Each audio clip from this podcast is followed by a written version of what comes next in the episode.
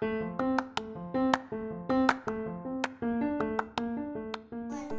Samuel Kelahiran Samuel.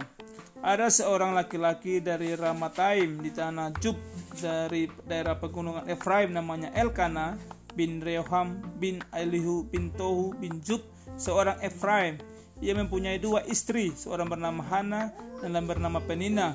Penina mempunyai anak, sedangkan Hana tidak. Tahun demi tahun orang itu pergi dari kotanya untuk menyembah dan mempersembahkan korban kepada Tuhan semesta alam di Silo. Kedua anak Eli, Hopni dan Penias adalah imam Tuhan di sana.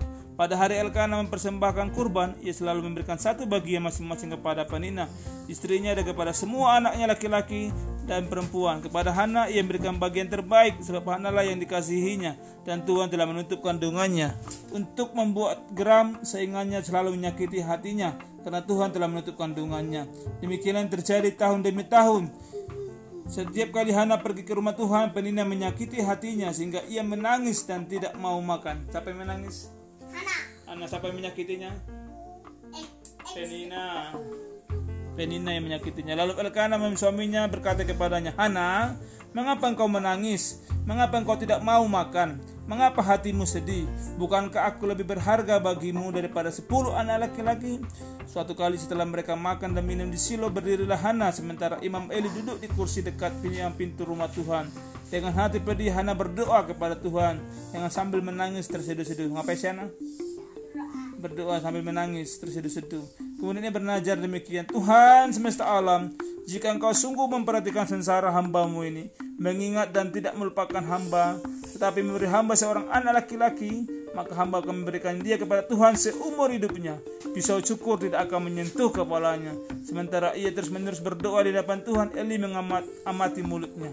Hana berkata dalam hatinya dan hanya bibirnya yang bergerak, tapi suaranya tidak kedengaran. Karena itu Eli menyangka perempuan itu mabuk.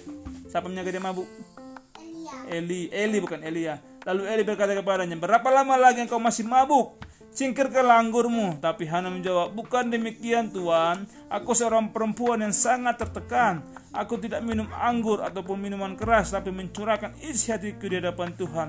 Janganlah anggap hambamu ini perempuan tercelah. Aku berbicara demikian lama karena aku sangat susah dan sakit hati.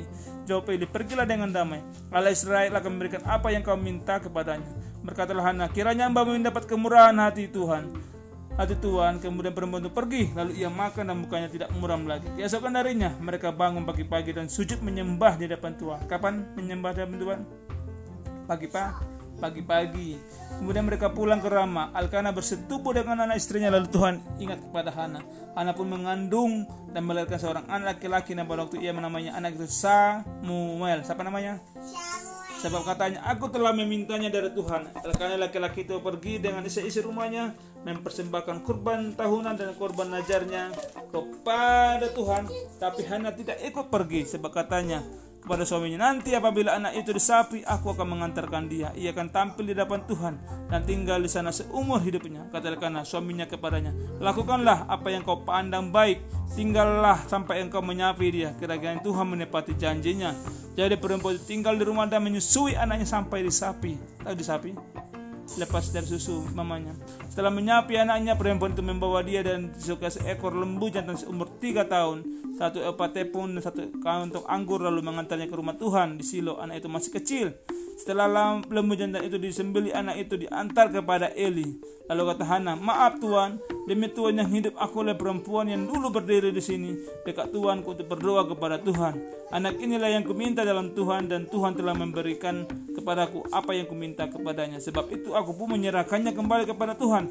Seumur hidupnya ia akan diserahkan kepada Tuhan. Lalu mereka sujud menyembah Tuhan di sana. Amin.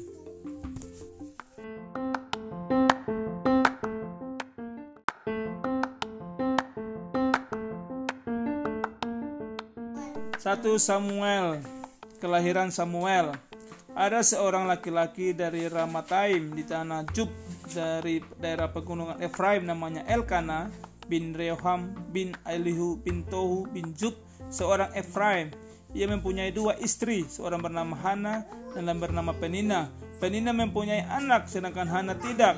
Tahun demi tahun orang itu pergi dari kotanya untuk menyembah dan mempersembahkan korban kepada Tuhan semesta alam di Silo.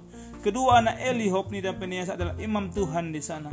Pada hari Elkana mempersembahkan kurban, ia selalu memberikan satu bagian masing-masing kepada Penina, istrinya dan kepada semua anaknya laki-laki dan perempuan. Kepada Hana ia memberikan bagian terbaik sebab Hana lah yang dikasihinya dan Tuhan telah menutup kandungannya.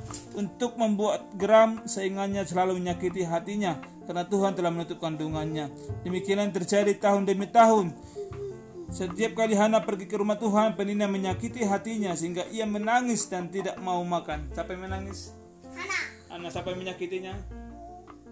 Penina. Penina yang menyakitinya. Lalu Elkana suaminya berkata kepadanya, Hana, mengapa engkau menangis? Mengapa engkau tidak mau makan? Mengapa hatimu sedih? Bukankah aku lebih berharga bagimu daripada sepuluh anak laki-laki? Suatu kali setelah mereka makan dan minum di silo berdirilah Hana sementara Imam Eli duduk di kursi dekat pintu rumah Tuhan. Dengan hati pedih Hana berdoa kepada Tuhan dengan sambil menangis terseduh-seduh. Ngapain sih Hana?